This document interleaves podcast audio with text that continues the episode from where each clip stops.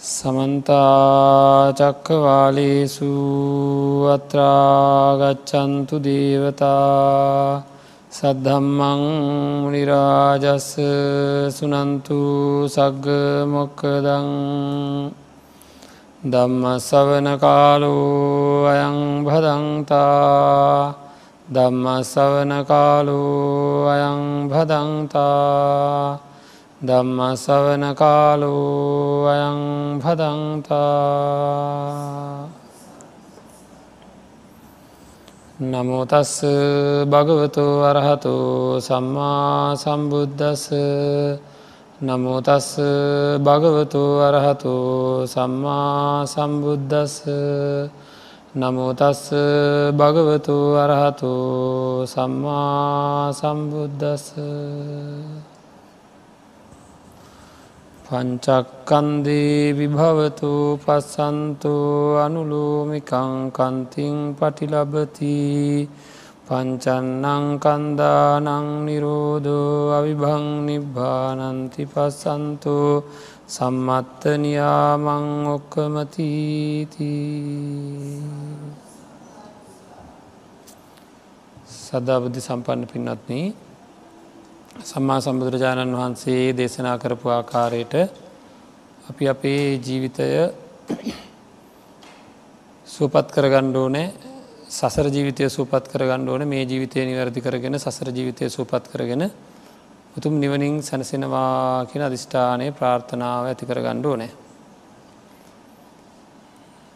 අපිට ලැබිච්ච මේ ජීවිතය පිළිබඳව නියම අවබෝධය අපි තුළ නැති ස්වභාවය අපි තේරුම් ගණ්ඩ ඕනෑ. ඇහැ කරනාසය දිව ශරීරයට පේන දැනෙන දේවල් අරමුණු වෙන දේවල් පුංචි කාල ඉඳං අපි කරේ ඒ දේවල් අපිට දැනෙන විදිහට තේරුම් ගත්තා. ලෝකයේ තියෙන ඕනම දෙයක් ගැන හිතර බලන් පින්නත්න ඒ දේවල් අපේ තියෙන අතීත දැනුම අනුව තමයි ඒ දේවල් ලෝකයේ තියෙන දෙවල් අපි අඳුරගන්නේ. එතකොට එක එක්කෙන එක එක්කෙන ඇදවල් අඳුරගන්න විදිහ වෙනස්ද එක වගේද. වෙනස්. ඒ බව අපි හොඳට තේරුම් ගන්නුන ඒ සිහි අපිට හරියට තියෙන්ට ඕන පලවෙනීම. මම මොනහරි හඳුනාගන්නකොට මට තේරෙන විදිහත් තියෙනවා. තව කෙනෙකුට ඒ දේම තේරෙන්න වෙන විදිහකට. තවත් කෙනෙකුට ඒ දේම තේරෙන තවත් විදිහකට. කෝකද හරි එක්කෙනෙ කරදේ ගැන එකක් කියන තව එක්කෙනෙ තව දෙයක් කියන තව එක්කෙනෙ තව එකක් කියන කෝකද හරි කියලා හිතුවොත් අපි හරි අසරණ භාවයකට පත්වෙනවා. මට හිතෙන හුඟක් දෙවල් වැරදිවෙන්ට පුළුවන්ද බයිද. මට දැනෙන හැටියටයි මං ජීවත්වෙන්නේ මට තේරෙන හැටියටයි මං ජීවත්වෙන්නේ.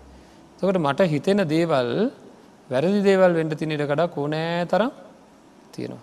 ජීවිත කාලෙම සමහර විට අපිට තේරෙන දැනෙන දේවල් අපි වැරදි විදිහට නම් දැනි දැන ඉන්නේ ඉතින් ලෝකයේ කවදාක්වත් හරිදේ හරි විදිහට මට තේරෙන්නේ දැනෙන්නේ නැතුව මම මැරල යනවා.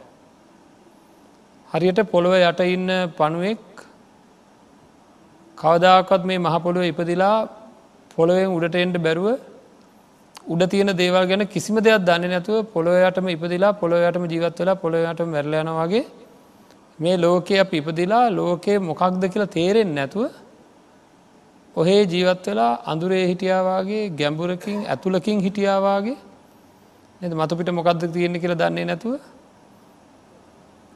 වැහිලා හිටියාවගේ එහෙමම ජීවත් වෙලා එහෙම මැරල යනවන මේ ජීවිතයට අර්ථයක් නැතිවෙන. එහිද ලෝකයේ තියෙන සත්‍යම තත්ත්වය අපේ මනසෙන් තේරුම් ගැනීම සඳහායි බුදුරජාණන් වහන්සේ දෙසනා කරපු ධර්මය අපිට ඕන වෙලා තියෙන්නේ. හරි ඉතින් ඒක හින්දා අපි බලන්ඩ ඕන ඒ සඳහා මොකක්ද කරන්න ඕනෑ කිය අපේ මනසට නිවැරදි පනිවිඩය දෙන්න ඕනෑ පින්නත්න්නේ. අපේ මනස ඇත්ත අරමුණු වෙන විදිහට සකස් කරන්න ඕනෑ. ඇත්ත අරමුණ විදිර සකස් කරන්න. අන්න ඒ සඳහා වූ භාවනා වැඩපිළිවෙලක් තමයි මහා චත්තාලි සාකාර භාවනාව කියලා කියන්නේ. ලෝකයේ තියෙන අනිත්‍ය දුක්ක අනාත්ම ලක්ෂණත්‍රය අපේ මනසට වැහෙනවා. හරිද ඇත්ත පසක් වෙන නෑනිත්‍ය දුක්කනාත්මක හම අපි දන්නවා දැනගත්තර මේ අපිට අපිට ඉන්ඩ වෙලා තියෙන ඒ වගේ එකක කියලා අපිට තේරෙන්නේ තේරෙන්නේ නෑ. ඉතින් අන්නේ නොතේරෙන මේ පංචුපාදානස් කන්දයෙහි යථභූත ස්වරූපය තේරුම් ගැනීම සඳහායි බුදුරජාණන් වහන්සේගේ ධර්මය අපේ මනසට ඒක වැටහෙන ආකාරයට සකස් කරන්න ඕනෑ අපිට කරමුණු වෙන්නේ නෑ. ඊ අපි කතා කරා වදකතෝ කියලා මේ පංචුපාදානස්කන්දය වදකයවාගේ කියලා. ඉතින් එතකොට ඒක අපිට නොතේරී කොච්චර කල් ගෙවුනද කියලා ඊ අපි ධර්මශ්‍රවනය කරනකොට තේරෙන වදකයාගේ වැඩේ අපි දෙප අපිට හරිට වද දෙන එක. මේ ශරීරය මේ වේදනාව මේ සංඥාව නද මම කිව මේ ඇත්තන්ට දැන් අපිට මහා කරදරකාරී දෙයක් සිද්ධවන අපි කරදරකාරීදේ නවත්ත ගන්නට අපිට පුළුවන් වෙන්ඩ නේද? වදකයන්ගේ එක වැඩත්තමයි කරදරකාරී දේවල් එක දිකට එක දිකට එක දිකට එක දිකට කරදරයට පමුණන එක. ද සංඥාව කියලා ගත්තොත් එහෙම හඳුනා ගැනීම. හරි. අමිහිරි මතකයන්. ඒකැන මට අමතක කරන්න ඕන මතකයන් තියෙනවා. ඒ අමිහිරි මතකයන් වේදනාකාරී පීඩාකාරී මතකයන් අපේ හිත මාව පීඩාවට පත්වෙලා තියෙද්දිම නැවත නැවත නැගෙනවද නැද්ද? නද?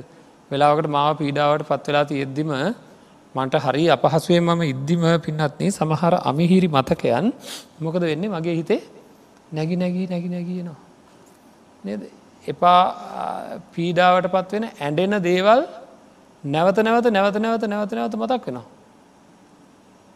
තර පීඩාවට පත්වෙලා ඉන්න මට. කවුරහරි මට හොඳරම තරහගින් ඉන්න වෙලා වට පිට වෙලා විහිලු කරන්න ගත්තු නැතන් එහෙම අයින්ට පටන් ගත්තු නේද? තවත් මා පීඩාවට පත්වෙනවානේ අන්න වගේ මං හොඳටම පීඩාවෙන් ඉන්න වෙලාවක මටර පරණයව තව මතක් කර කර මතක් කර කර මතක් කර කර දෙනවා. නේද? වදයක්ද නැද්ද? ලේසි පාසු වදයක්ද ඒකතකොට නේද? අන්නේ වගේ අපි නොදැකපු නොතේරිච්ච ස්වභාවයක් මේ පංචුපාදානස් කන්දයම වදයක් කියන එක අපිට හොඳට දැනෙන්ට එකෙන් එකෙන් අයින්වීමමයි එකෙන් අයින්වීමමයි සැපය කියනෙක හොඳට දැනෙන්ඩ ඕන. ඉතිං අද දවස අපි සාකච්ඡා කරන්නේ විභාවතෝ කියන ලක්ෂණය. ඒත් එක් මං හිතන අද දවස අපට කාරණ දෙකක් සාකච්ඡා කරගන්නට පුළුවන් වෙයි කියලා අපි උත්සාහ කළ බලමු. විභාවතෝ කියලා කියන්නේ අපේ මේ මම මගේ කියලා මට දැනෙන අනුන් අනුන්ගේ කියලා මට දැනෙන දෙවල් වගේත් තියෙනවා. හරිද මම මගේ කියලා දැනෙන කොට සත්තින. ඒක මේ ස්වභාවධර්මයේ තියෙන යම් කිසි වැඩ පිළිවෙලක මම වෙන්කරගත්ත කෑල්ලත් තියෙනවා. නද මමම අනුන්වෙන් කරගත්ත කෑල්ලක් කියල කෑල්ලකුත් හදල හදල තියෙනවා. ඇගැන මට දැනෙනවා ඒ විදිහට. එතකොට මම වෙන්කරගත්ත කෑල්ල කොටස වෙන්කරගෙන ඉන්න මම මගේ කියලා නමුත් ඒ අපි නුවනින් විමසන කෙනෙකුට තේරෙනවා එක මම මගේ කියලා ගණ්ඩ ඒකෙම වෙන් වෙන්න නෑ අපි වෙන්කර ගණ්ඩ හැදුවට එක වෙන් වෙන්නේ වෙන් වෙන්නේ නැති බව අපිට හොඳටම තේරෙනවා. එතකොට ඒක තේරෙන්නේ විමසල බලන කෙනෙකුට. දැන් අපි මේ ලෝකයේ ඉන්නකොට කියනවා අහවල් අහවල් දේ වර්ධනය වුණා කියලා. ගේ ඇදවාය නැත්තන් ගහ වැැවුනාය ඊළඟට පුංචියට හිටිය ශරීර ලොකුුණාය හරිද එතකොට අහවල් අහවල් විදිහට මේවා එකතු වුණා වර්ධනය වුණා වැඩි වුණා කියලා කියනවා. අන්න එහෙම එකතු වෙන වර්ධනය වෙන වැඩි වෙන ස්වභාවයක් නෙවෙයි පංචුපාදානස්කන්දය තියෙන්නේ දියුණුවට එන්නේ නැතුව ඒ වෙලාවෙම නැසිලා යන ස්වභාවයක්. ආංඒක අපි තේරුම් ගණ්ඩෝ නෑ කොහේවත් එකතු වෙලා වර්ධනය වෙලා මේ වැඩිවෙන්නේ ගොඩ ගැහෙන්නේ නෑ. ඒ වෙලාම ඇති වෙනදේ ඒ වෙලාම නැති වෙලා යනවා. අන්න ඒක නොතේරිච් අපි හිතනවා අහවල් අහවල් අහවල් දේ මට එකතුනා වැඩි වුණා කියලා. ති මේ අපි උදාහරණයකින්මයි තෙවරගණ්ඩෝ නෑ දැම් බලන්ඩ අපි මේකට අපේ සිතුවිල්ලක් ගමු දම්ම කියන කොටසට අයිති වෙන විදිහට මේක සාකච්ඡා කරගන්නඩ මම කියනවා මගේ තරහ වැඩි වුණා කියලා. අනුන්ගේ තරහ වැඩි වුණා කියලා කියනවා. හරිද වැඩි වුණා කියලා කියන මේ නිකං ගොඩ ගැහුණා එකතු වුණා කියලා කියනවා. එහෙම එකතුවීමක් සිද්ධ වෙනවාද කියලා බලන්ඩ පින්නත්න මේක වෙන්නේ ඒ මොහොතේ ඒ මොහොතේම නැති වෙනවා නැත්තටම නැති වෙනවා නමුත් පරණේවා හේතු වෙලා නැවත සකස් වෙනවා. ඒ මොහොතේ මේ මොහොතේම නැති වෙලා යනවා පරණේවා හේතු වෙලා නැවත සකස් වෙනවා. අන්න ඒ නැවත සකස් වෙනකොට පරණේවා වැඩියෙන් හේතුවනොත් ඒ වෙලාවේ අරිට වැඩිය වර්ධනයක් ඇතුව සකස් වෙනවා තමයි. හැබැයි එක කොහේවත් රැඳෙන්නේ කොහේවත් රැඳෙන්නේ නෑ. ඒෂන ඒෂනේ නැති වෙලා යනවා පරණවා හේතුවවි සකස් වන උදාහරණයක් විදිට ගත්තොත් මතකය කියන එක කොහෙද තියෙන්නේ. අපි හනම් මතකය කියන එක කොහෙද තියෙන්නේ. අපි ගෙන එක පාටම හිතේ කියලා නේද නැත්තන් කියන මනසේ කියලා. එතකොට මතකේ දැන් කොච්චර කල් තියෙනවාද. සමහරේව කොච්චර කල් මතක තියෙනවද අපිට. අපි ගෙන මට අවුදු හතලිහක් එහට මතකයි පණහක් එහට මතකයි වයසට වයස මතකයි එහෙම කියලා කියනවා. ඇත්තට මතක තියෙනවා කියලා දැනවනේ අපිට මේක කොහේ හරි තියෙනවනං. කොහේ හරි මේ මතකය තියෙනවා නං ඒ තැන නිත්‍යද අනිත්‍යද. වෙනස්වෙන් නැතුව මගේ මතක තියෙනවන ඒතන නිත්‍යද අනිත්‍යද. නිත්‍ය වෙන්ඩෝ නෑ. නේද. ඒතන නිත්‍ය වෙන්ඩ ඕන හෙන. කොහැර තියෙනවන තැනක නේද. එනම් එතන නිත්‍ය වෙන්ඩ ඕනේ. එනම් අනිත්‍ය ලක්ෂණය බොරු වෙන්ඩ යන ඇතකොට එක පාට. නේද. එතකොට අන්නේ මතකය තියෙනවා කියලා ගත්ත අය පින්නත්න මොකද කරන්නේ මේ මතකය නැත්තන් අපි මතකය කියන සංඥාව ඒකෙත් එක ඇතිවෙන සංස්කාරය මේවා ස්තීරෝ මගේ තුළ තියෙන දේවල්ය කියල වැරදි අදහසක් ඇති කරගන්නවා.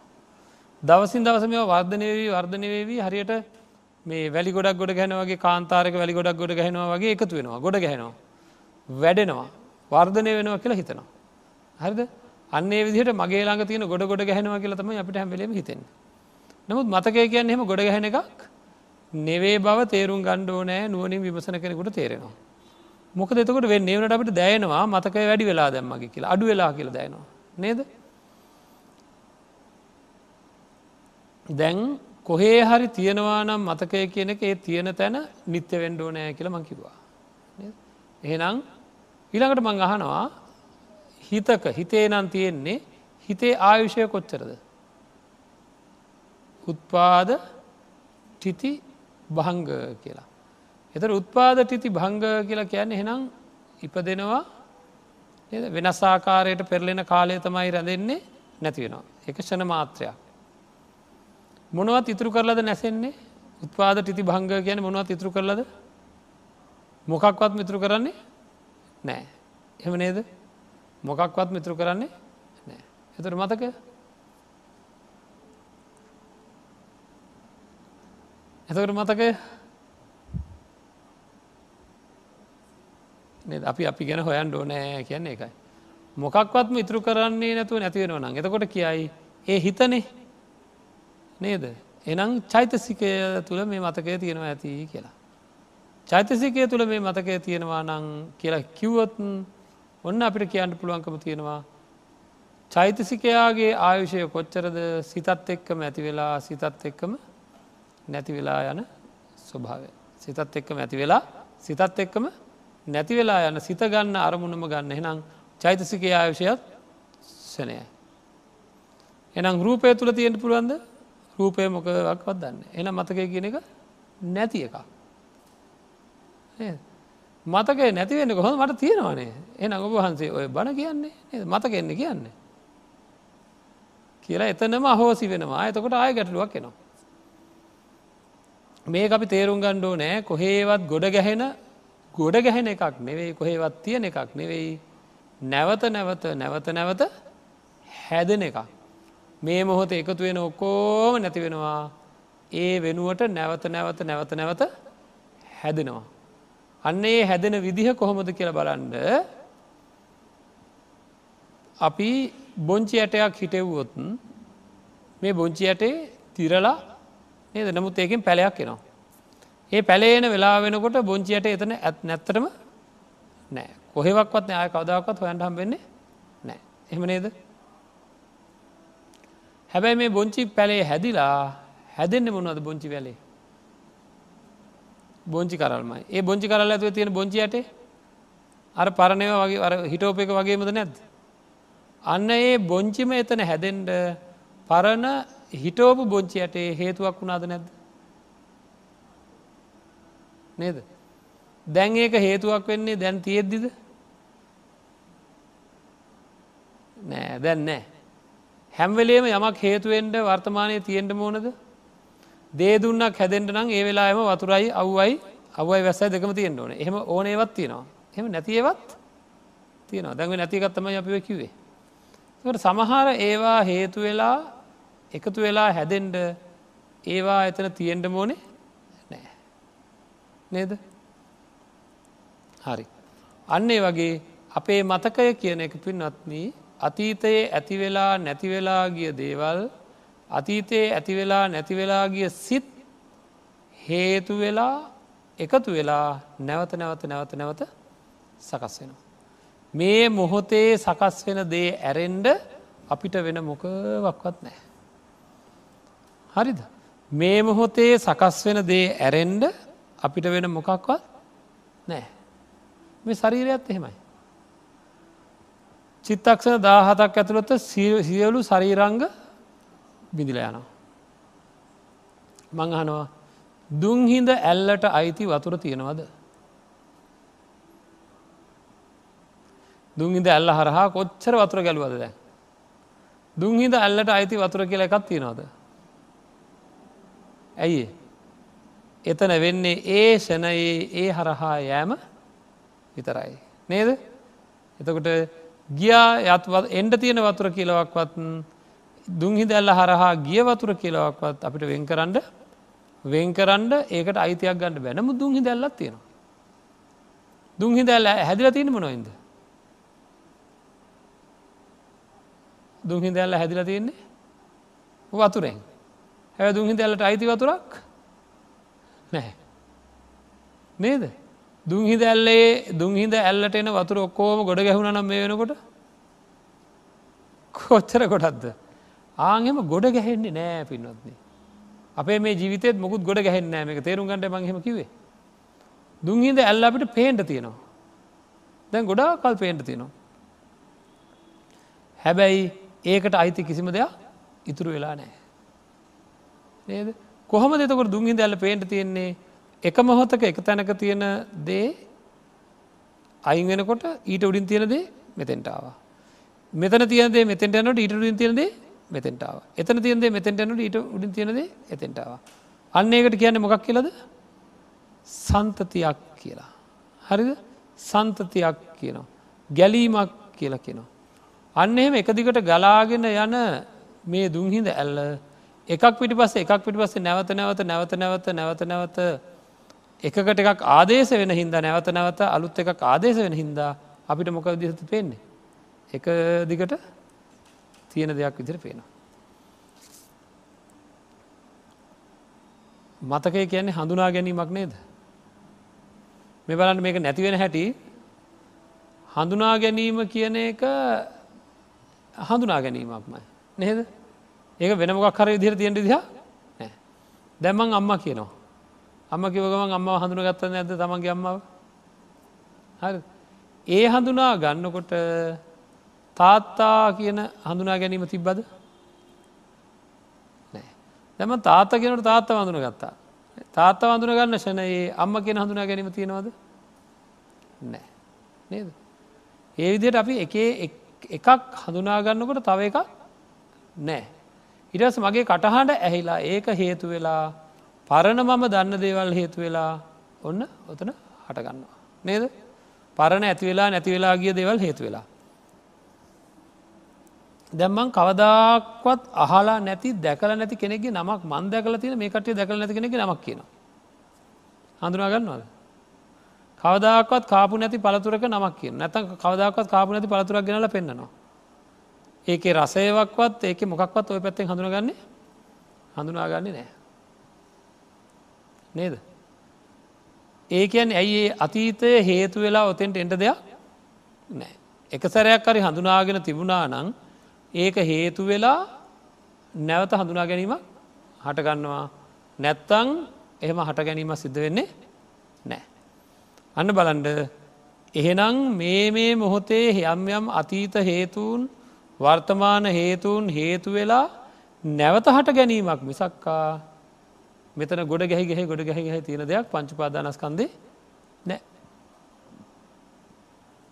හරිද? රූපයත් එහෙමයි පින්නත්න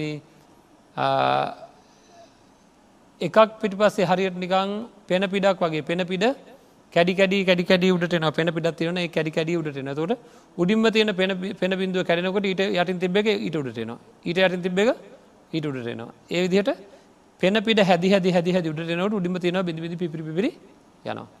අන්නේ වගේ මේ ශරීරය පෙන පිඩක් වාගේ හැම ෂනයකදීම චිත්තක්ෂණ දාහකතකදීම එක රූප කලාපයක් කැඩල බිඳිලා අයින් වෙලා යනවා ඒ වෙනුවට නැවත හටගන්නවා හටගන්න ඒවාට පරණ තිබුණා වූ රූප කලාපයන්ට යම් කිසි සමානකමක් නෑදෑකමක් ඇතුව තමයි නැවත හටගන්නේ.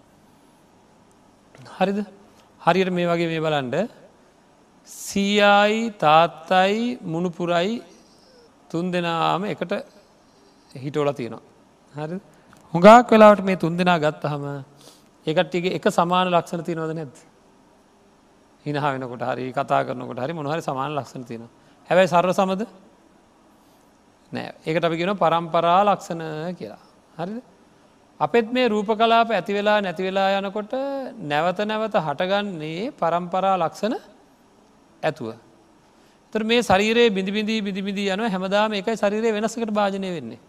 අද මේ ඉන්න විදිරණවෙයි හෙට හෙට ඉන්න විදිරණවෙයි අනි ටික ටික ටික ටික බලන්නකොට තේරෙන්න්න වෙන ඒක අවුරුදු ගානක් ගානකින් දැක කෙනෙක් කොන්න එක පටගෙන අපේ කොච්චර වෙනස් වෙලා දැන් හිතාගන්නවත් බෑ කියලා කියනවා. නේ දවුරුදු ගානකරෙසල් අපි බොහෝම කැමති. බොහෝම ප්‍රසන්න කියලා හිතෙන බෝම කැමති රූපයක් අවුරුදු විස්සකට ඉස්සෙල්ලා විතර අපි දැක්ක කියන්නක. දැකල මම බොහෝම දැක සතුට උපදවාගෙන වාසය කරා. දැන් කාලෙකින් දකින්න ඇතු අවුරුදු විස්සකින් විතර ඔන්න ආයසර දැක්කා. දැක්ක හම්මොකද වැඩේ. සම්පූර්ණයෙන්ම ලොකූ වෙනසක් සිද්ධ වෙලා ආය මම කලින් දැක්ක රූපය කවදාකත් මම ප්‍රියෝපදවාගෙන හිටිය රූපය කවදාකත් මට හම්බෙන්නේ හම්බෙන්නේ නෑ එන එක සම්පූර්ණ වෙනස් වෙලා. සමහරලට රූපයත් එක්ක එතන ඒ තැනැත්තාගේ තිබ සිතුවෙලි ඒවත් සම්පූර්ණය වෙනස් වෙලා. අන්නෙම රූපයත් වෙනස් වෙලා නං සිතුවිලිත් වෙනස් වෙලා නං අන්තිමට ඒ වගේ පුද්ගලයෙක් කොහොමත් ආය පරණ හිටිය පුද්ගලයා කියන එක් කෙන මැරිලා නෑ. නමුත් මැරිලා තමයි. නේද? මැරිලා නෑ. නමුත් මැරිලා වගේ තමයි පින්නත්න ඒ මොකද? ඒ තැනැත්තාට ඒ තැනැත්තාගේ මං බලාපොරොත්තු වෙච්ච රූපයත් නෑ සිතත් නෑ. ඒකයි කියන්නේ ගොඩ ගැහෙන්නේ නෑ. නැති වෙලාම නැති වෙලාම යනව. ඒශනයේෂනයේම නැතිවෙවී නැතිවෙවී නැතිවෙවී යනව පින්නත්න නමුත් මේ අපිට ඒකට කියනවා සන්තති ගණය කියලා. ඒ ඇන මේ සන්තතිය ගණයක් විදිහට. සන්තතිය හෙල්ලෙන්නේ නැති එකතු වෙන්නේ නැති. සන්තතිය ගැන ගැලීම. දුංගි දැල්ල ගැන සන්තතියක්. අපිට ඒක ගණයක් විදිහර තමයි දැනෙන්නේ. අන්න ඒ වගේ මේ රූපවේදනා සංඥා සංකාර විඤ්ඥාන කියෙන කියෙන පංචුපාදානස් කන්දයේම ඒ මොහොතේ ඇතිවෙලා නැතිවෙලා යන ඒ මොහොතේ ඇතිවෙලා නැතිවෙලා යන ඒ මොහොතේ ඇතිවෙලා නැතිවෙලා යන එකක් මිසක්කා එකදිකට එකදිකට තියෙන දෙයක් නම් ලැබෙන්නේ නෑ. හරිද මෙන්න මේකට කියනවා විභව ලක්ෂණය කියලා. හරි ගොඩ ගැහෙන්නේ නෑ. එතකොට මෙන්න මේ ලක්ෂණයෙන් තියෙනදේ අපි එහෙමනෙවෙයි. අපි ගන්නේ සාමාන්‍ය මනුස්සයා අහවලාගේ ආදරය ගොඩ ගැහුණා එන්ඩෙන්ඩෙන්ඩ එන්ඩ වැඩි වුණා ඒක එතන තියෙනවා. අහවලා ළඟ මට ලොකූ ආදරයක් තියෙන මල්ලඟ අහවල්ලාය ගැන ලොකූ ආදරයක් තියෙනවා. අහවල් අය ළඟ මං ගැන ලොකූ වෛරයක් තියෙනවා. මං ළඟ අහවල් අය ගැන ලොකූ වෛරයක් තියෙනඒ වෛරය එන්ඩෙන්ඩ එන්ඩෙන්ඩ එන්ඩෙන්ඩ වැඩි වෙනවා. හ මේ විදිහට අර වැරදි අවබෝධයකින් පංචුපාදානස්කන්දය ග්‍රහණය කරෙනවා. ඒ අවබෝධය නැතිවෙනකොට මේ පංචුපාදානස්කන්දය කෙරෙහි අපිට තියෙන ඇලීම ඒ අවබෝධය ඇතිවෙන කොට මේක එහෙම එකක් නෙවෙයි. මේක ෂණ භංගුරත්වයට පත්වෙන එකක් හැම වෙලේව බිදිල යන එකක් කියන අවබෝධය අපිට ඇති වෙනකොට පින්නත්න ක්‍රමාණකූලව මොකද වෙන්නේ අපේ හිත පංචපාදානස්කන්දේ අතමි දෙනවා. හරිද අපේ හිත පංචුපාදානස්කන්දයෙන් සම්පූර්ණ වසේම අතමිදෙනවා අන්න එහෙම අතමිදෙන්ට නං මේකේ විභවතෝ කියන ගුණය පංචුපාදානස්කන්දයේ ඇති බව අපි තේරුම් ගන්න ඕනේ. මොකක්ද දියුණුවට පත්වෙනවාය වර්ධනයට පත්වෙනවාය කියලා එකක් එහෙම සිද්ධ වෙන්නේ නැදියුණුවට නොපැමිණ ඒ වෙලාවෙම එසැනින් නැසිලා යන ස්වභාවයක් පංචුපාදානස්කන්දේ තියෙන. එක වැඩෙන්නේ වැඩෙන්නේ නෑ. ඒක එතනම නැසිලා නැසිලා යන වර්ධනය වෙන්නේ නෑ. ගහක් වැවෙනවාගේ නද? මේක වැවෙන්නේ නෑ කියන එක අපි තේරුම් ගණ්ඩෝ නෑ.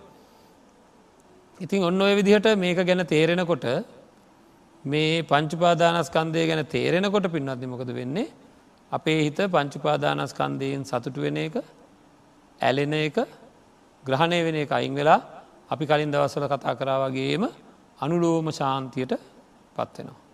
ඒ අනුලෝම ශාන්තියට පත්වෙනවා කියන හිත ශාන්ත භාවයට පත්වෙනවා. ඉතින් ඒ තමයි විභවතු කියන ලක්ෂණයෙන් ඒක මෙනෙහි කර කර මෙනෙහි කර කර මෙනෙහි කර කර මෙනෙහි කර කර ඉතාම ප්‍රබලව මෙනෙහි කරලා අපි ඒ ඒ අදාළ මානසික තත්ත්වයට පත්වෙන්ට ඕන. අපි ඊලංකාරණාවත් කතා කරලම දෙකම එකට අරගෙන මොකද කරන්න කියල බලම ඉලංකාරණාව වෙන්නේ සාසවතු කියන එකයි. පංචක්කන්දේ සාසවතු පස්සන්තු අනුලෝමිකං කන්තිම් පටි ලබති. හරිද මේක ගොඩාක් ප්‍රකටව මෙනෙහි කරන්න පුළුවන් එකක්. සාමාන්‍ය මේ කාරණා හතලියෙන් දැ විභවතෝ කියන එක හැමෝටම ගෝචර වෙන්නේ නෑ හැඟීමක් විදිහටයි ගෝචර වෙන්න ඕන මේක. හරිද? එතකොට සාසවතෝ කියන එක අපිට තේරුම් ගන්න පුළුවන්. අපිට ප්‍රකටව දැනෙන හින්දා. මං අහන මේ අත්තන්ගෙන්. හිත තමන්ගේ දැම් පැත්තකටලා කල්පනා කරනකොට නිකං ඉන්නකොට රත්වෙන දැවෙන වෙහෙසකාරී යම් කිසි අපහසු ගතියක් තියෙනවද නැද්ද? සමහරයව මතක් වෙද්දි. සමහරවා කියලා කියන්නේ මේ මේ අතීතයේ ඇතිවෙලා නැතිවෙලා ගිය දේවල්. අයිට කලින්ම මෙහෙම එකක් අහන්නංක පොඩ්ඩක් මේ. අපිට සැප සැප ලැබිල තිරනෙද අතීතේ? ඒවා මතක් වෙද්දී දැම්මොකද අතීතයේ යම් සැපයක් ලැබුණා දැන්නෑ ඒවා මතක් වෙද්දී දැන් සැපද දුකයිද? දුකයි. එනම් අතීතයේ සැපයක් ලැබිලා දැන් ඒක මතක් වෙනකොට දුකයි. නේද? අතීතයේ සැප ලැබුණා නම් දැන් ඒක දුකයි හෙන එන ඒක එහෙම නං අනි පත්‍ර වෙන්ඩුන අතීතයේ දුක් ලැබුණා නම් දැන් සැප වෙන්ඩෝන නේද? එහෙමන සාමන සාධාරණ ක්‍රමේ. නේද? අතීතයේ සැප ලැබුණා නම් දැන් ඒක මතක් වෙනකොට දුකයි නං. අතීතයේ දුක් ලැබුණා නම් දැම් මතක් වෙනකොට සැප වෙන්ඩෝනෑ කොහොම දන්න?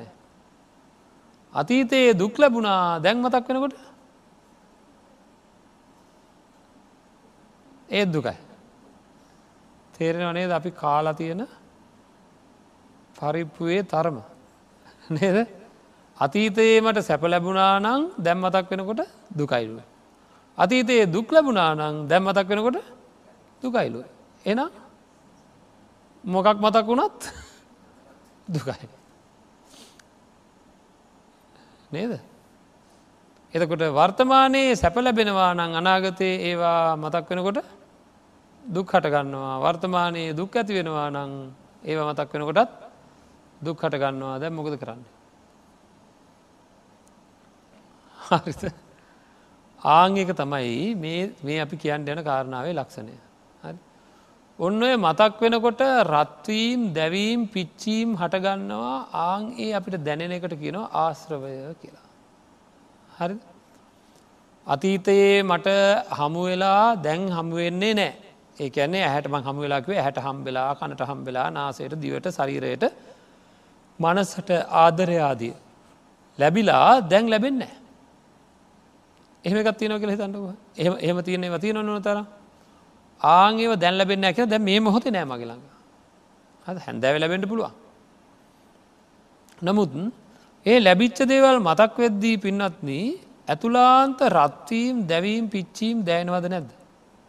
දැන් නැත්තා නේද? හොඳ දැන මේක හෝස් ගල පත්වයගෙනෙනවා කියලා. මොකද කියන්න? ඒක හින්ද තමයි අර කියන්නේ. මට නොදැක ඉන්ඩ බෑ.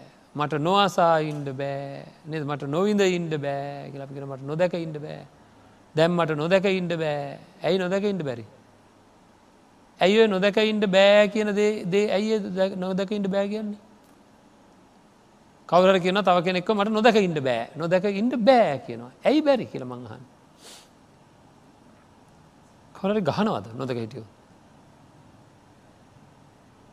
ඔය නොදක ඉන්ට බෑ නොදක ඉන්ට බෑ කියන දෙවල් තියෙනවද නැද්ද? තියෙනවා. ඉතින් කල්පන කල බට මොකද මට මේ නොදක ඉන්ට බැරිත්තට මට අහවල් මට මගේ දරුවාව නොදක ඉන්ට බෑ කියලා අම්මෙක් කියනවා. ඇයි බැරි කියලමං හනි මොකද වෙන්න නොදක හිටියොත්තේම දුකයි. නොදක හිටියොත් දුකයි. දුක කියන කොහට දැනෙන්නේ? සිතට. දුක කියන්නේ මොකක්ද? වේදනාවක් දුක් වේදනාවක් රිදීමක් නේද? අපි කියනයකට නොදැක ඉන්ඩ බෑ හිත රිදෙනවා කියලා. නේද? රිදෙනවා කියනවා. හරියට කොයි වගේ රිදෙනවා කියන්නේ දැවෙනවා වගේ පිච්චෙනවා වගේ. නේද? මළගෙදරක් වෙලා දරකොටයක් වගේ කවුහරි ඇවිල් අපේ දෙට හොඳ හිටිය කෙනෙ දරකොටේ වගේ ඇවිලද පෙට්ටියක තිලා ඇල මුණල්ල බැලුව ගල් ගහිලා. කතා කරන්නෙත් නෑ හිනහවෙන්නෙත් නෑ බලන්නෙත් නෑ. අය කවදාකවත් හම්බෙන් නෑ කියන්න දන්නවා. අය කවදක්වත් කතා කරන්න හම්බෙන්නෑ කියලා දන්නවා. එහෙම දැනගත්ත ගමන් මොකද මොනවා දෙන්න හිත ඇතුළේ සෝක පරිදේ වෙනවා මේක ඇතුළෙන් ගින්නේ ගන්නවාගේ පිච්චෙන්ට පටන් ගන්න ගිනි ගොඩක් උඩ ඉන්න කෙනෙකුට කවර කවර එක්කෙන අපි ගිල ගිනි ගොඩක් උඩින් තියෙනවා. ගිනි ගොඩක් උඩින් තිබ්බහම ඒ තැනැත්ත කෑගහන විදිිය කොහොමද? මාව දැවෙනවා මාව පිච්චෙනවා මේකෙන් අහකට ගණ්ඩු කියල කෑගහන් මළමිනියක් ලගින්න එක්කෙන කෑගහන්න කොහොමද? නේද? මාව දැවෙනවා මාව පිච්චනවා කියලම කෑගහන ඉන්ඩ බෑ ඉවසන්ට බෑ කියෙන ගිනි ගොඩ උඩ ඉන්න කෙනත් කියෙන ඉවසන්ට බෑ මට හරි අමාරු ඉවසගන්ට බෑ කියල කෑගහනවා වගේම නේද? අර අතෙන්දිත් කෑගහනවා මොකදේ වෙන්නේ? ගිනි ගොඩ උන්න ඉන්නවට කකුල් පිච්චුණා. නද? මළමිනිියලාග ඉන්නකොට හිත පිච්චුණා. නේද? ඒ වගේ තමන්ට රුචි දේවල් තමන් දැක්ක දේවල් අහපු දේවල් විඳපු දේවල් පින්වත්න්නේ. දැක්ක අහපු විඳපු අතීතයේ තියෙන දේවල් දැන් අපේ ඇහේ ඇහේ මානයෙන් අයින් වෙනකොට. කනේ සීමාවෙන් අයින් වෙනකොට. මේ වෙලාවේ මට ඇහැට ගෝචර කරගන්නට මට අවශ්‍යලාට බැරි වෙනකොට. කනට ගෝචර කරගන්නට බැරි වෙනකොට නාසයට දිවට ශරීරයට ගෝචර කරගන්නඩ බැරි වෙනකොට අන්න ඇතුළ පිච්චෙන්ට පටන් ගන්න. ආංගකට කියනවා ආශ්‍රව කියලා. ඒකට කියනවා ආශ්‍රව කියලා. හරිද මෙන්න මේ ආශ්‍රවයන් හැදෙන්නේ ඔන්න පංචුපාදානස්කන්දය හින්දා. හරි පංචුපාදානස්කන්දය මමය මගේ කියලා ඒ පංචුපාදානස්කන්දය නැවත නැවත අභිනන්දනය කරන අයට ආශ්‍ර ආශ්‍රවයන් උපදිනවා. හරිද අන්න බලන්ඩ බලන්ඩ පොඩ්ඩක් හිතර එහෙමද නැද්ද කියලා. රූප වේදනා සංඥා සංකාර විඤ්ඥාන වසයෙන් මේ ලෝකයේ තියෙන අම්මාය තාත්තාය සහෝදරයය ඥාතියාය කියන දේවල් අපි සුවයි සුන්දරයි මදුරයි ප්‍රියයි කියලා ආශ්‍රය කරාද නැද්ද. අන්න ඒ ආශ්‍රය කිරීමත් එක්ක පින්වත්න මොකද අපිට වනේ ඒවා නැතුව බැරි තත්වට පත් වනා ඒවා හින්දා ඒවා නැවත දකිින්ඩෝ නෑය අහන්ඩෝ නෑය විඳින්ඩෝ නෑය කියලා ආශ්‍රවයන් ඉපදිලා තියෙනවද නැද්ද දැන්?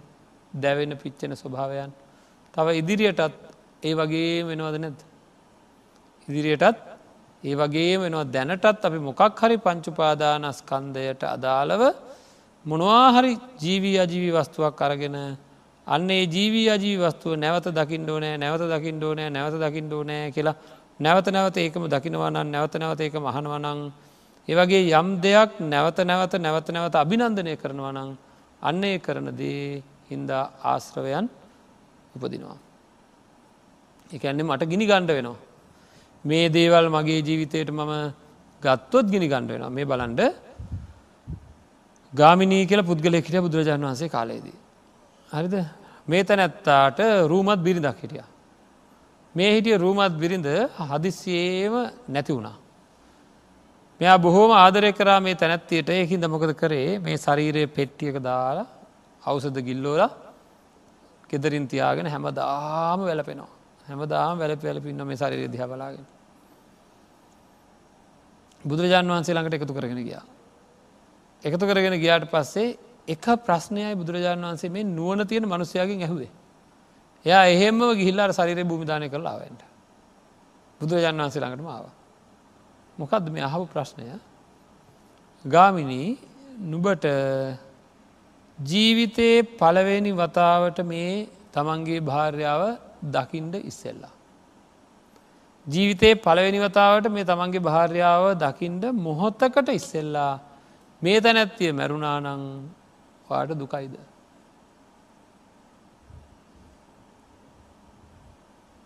එහෙම නෑ නේද මේ තැනැත්තිය හින්දා මොනයම්ම හෝ දුකක් ඇති වෙනවද අර දකිින්ට ඉස්සෙල දවසේ. දකිින්ඩ මොහොත්තකට ඉස්සෙල්ලා එහ දුක් ඇතිවෙන ස්වභාවයක් තිබුණේ නෑ. එහෙනම් මෙයා ඒ තැනැත්තිය හින්ද සහනෙන්ම හිටිය කාලෙ කොයි කාලෙද. අඳුරගණ්ඩ පලවෙනි දැකීමට ඉස්සෙල්ලා. පලවෙනි දැකීමට ඉස්සල සහනයෙන්ම හිටිය. නේද. පලවෙනි දැකීමෙන් පස්සේ දැන්ව මැරුණට පස්සෙද දුක් ඇති වුණේ. නෑ අපි අපේ පැත්තෙන් හොල බලන්න. යම් දෙයකට අපේ පින්නත්න ආසාාවක් අපිට ඇති වුණාද ඇතිවෙච්ච වෙලාවේදලා දුක්තියනවා. ඒ ආසාාව ඇතිවෙන්ඩ මොහොතකට පෙර අපිට කිසිීම ඒ ගැන ප්‍රශ්නයක් ප්‍රශ්නයක් නෑ. නේද කිසි මේ ආශ්‍රවය ඇතිවෙන්ට මොහොතකට පෙර කිසිම ප්‍රශ්නයක් නෑ. එනම් පංචුපාදානස්කන්දය මොකද කරන්නේ මෙන්න මේ ගිනිගන්න දේවල් හදනවා. හරි අර ගිනිගන්න දේවල් පටෝගෙන යන වාහන තියෙන් නිවැ මොනද ගහල තියෙන්නේ.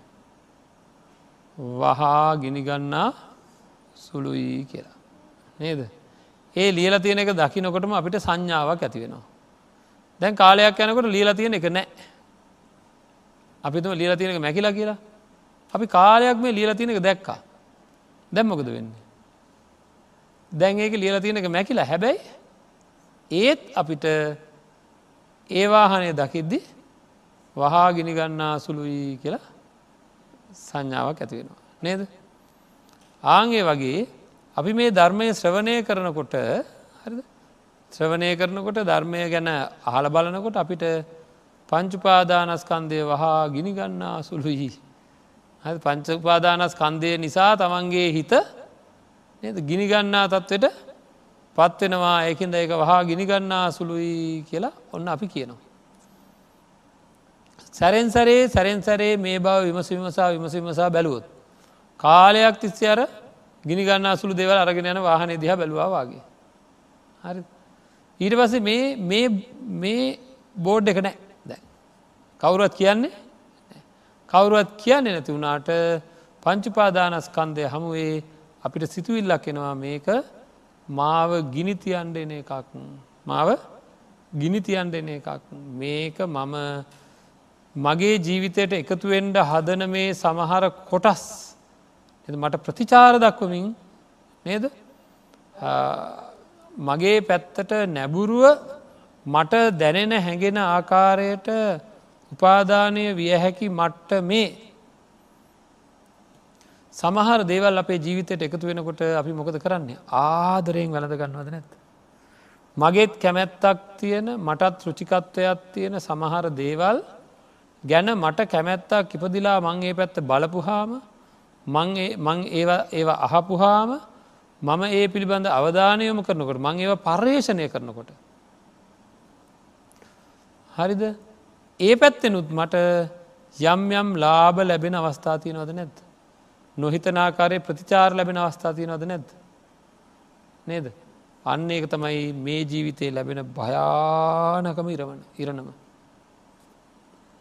හරි මම යමක් ගැන උනන්දුනං ඒ යමත් මං ගැන උනන්දු ස්වභාවය දැනිත් දැනුනද ඒක තමයි ජීවිතය ලැබෙන භයානකම දේ. අපිට තේරුණේම නෑ. ඇයිඒ ගිනිගණ්ඩ යන්නේ. හරි. ගිනිගන්න යන්න හොත ඒ ගින්න ගිනිගත් අද එතනි දම්මොකද වෙන්නේ? කවදා නවතින එකක් දන්න එක දිගට ගිනි ගිනි පුපුරු හට ගන්නවා. එක දිගට පිච්චෙන්ට පටන් ගන්න තරහද මම මෙහකිවට ඒක තමයි ඇත්ත.